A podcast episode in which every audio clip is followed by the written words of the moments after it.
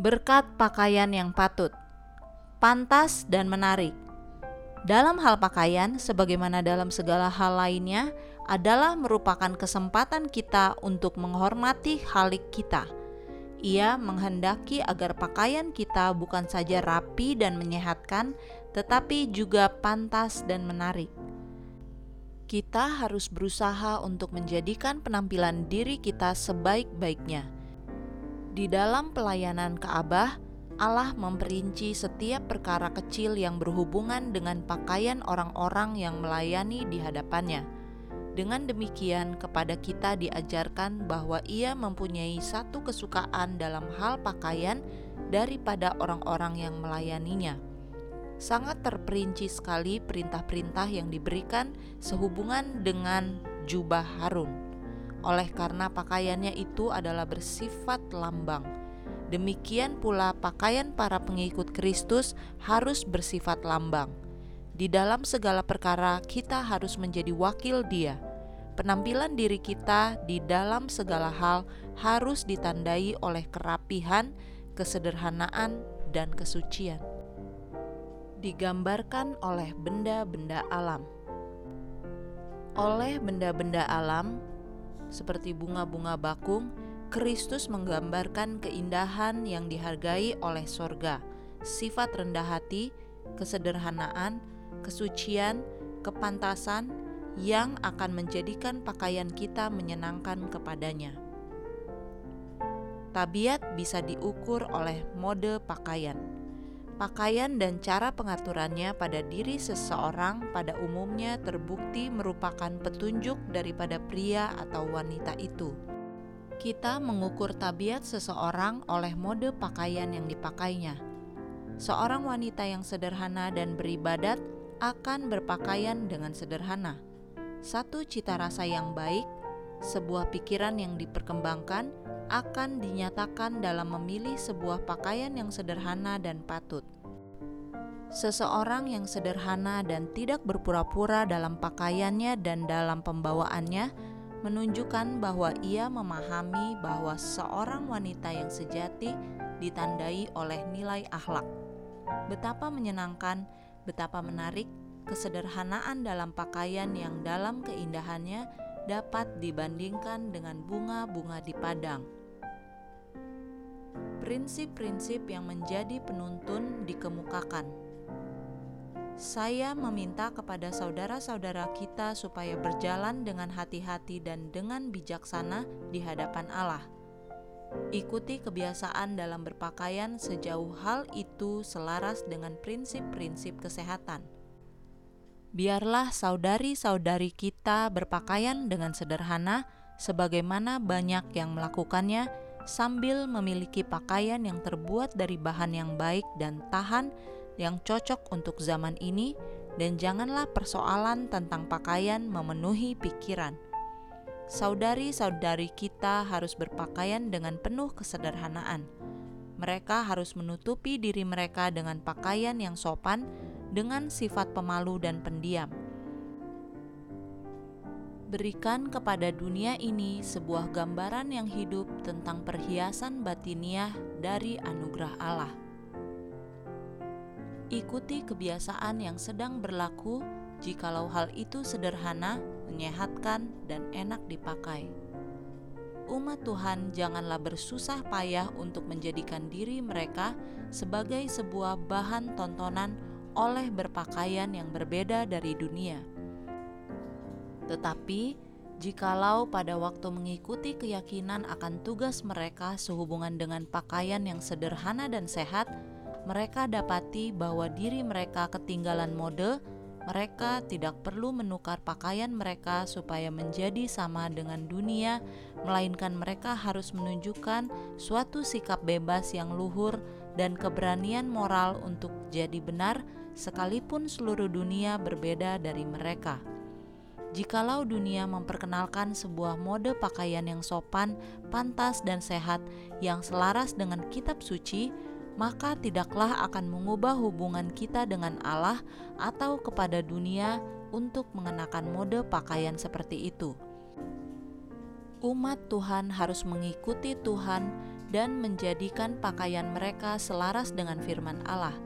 Mereka harus menjauhkan diri dari segala sesuatu yang keterlaluan.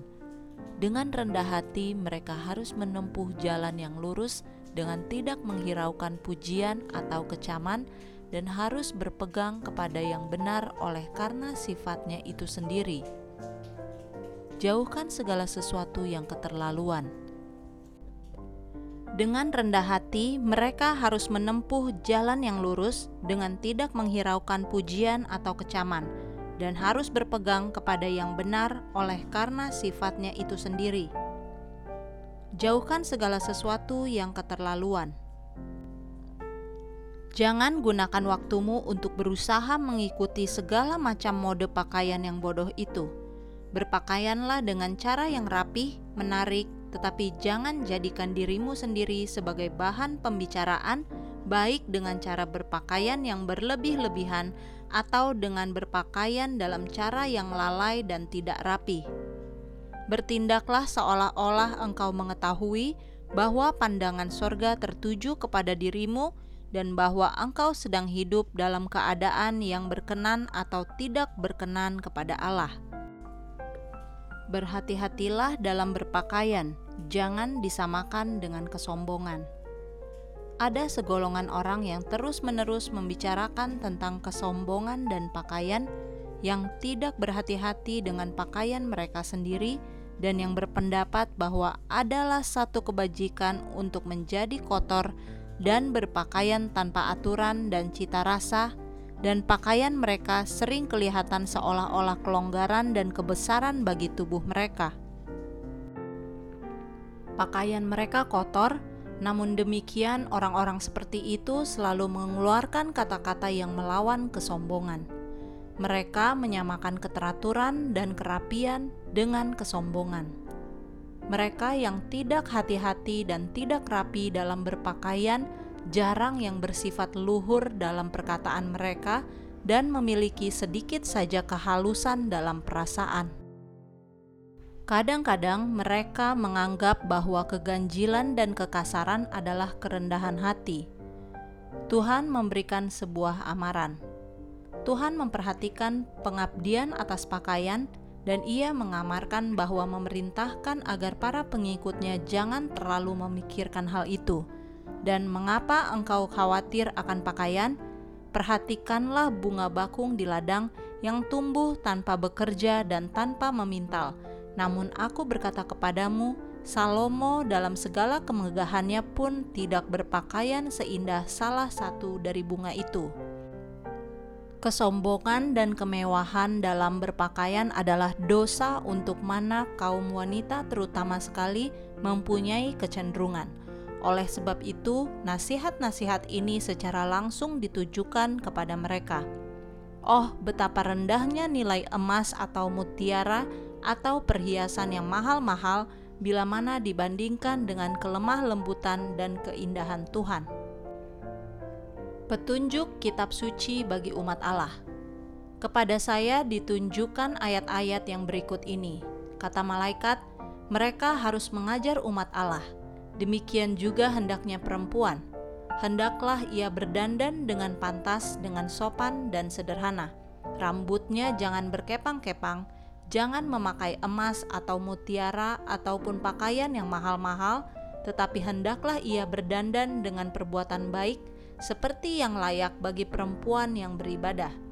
Perhiasanmu janganlah secara lahiriah, yaitu dengan mengepang-epang rambut, memakai perhiasan emas atau dengan mengenakan pakaian yang indah-indah, tetapi perhiasanmu ialah manusia batiniah yang tersembunyi dengan perhiasan yang tidak binasa, yang berasal dari roh yang lemah lembut dan tentram, yang sangat berharga di mata Allah. Sebab demikianlah caranya perempuan-perempuan kudus dahulu berdandan. Banyak orang yang menganggap nasihat-nasihat ini sebagai sesuatu yang ketinggalan zaman untuk diperhatikan. Tetapi ia yang memberikan semuanya itu kepada murid-muridnya mengerti tentang bahaya yang timbul dari sikap yang menyukai pakaian pada zaman kita ini dan memberikan kepada kita sebuah amaran.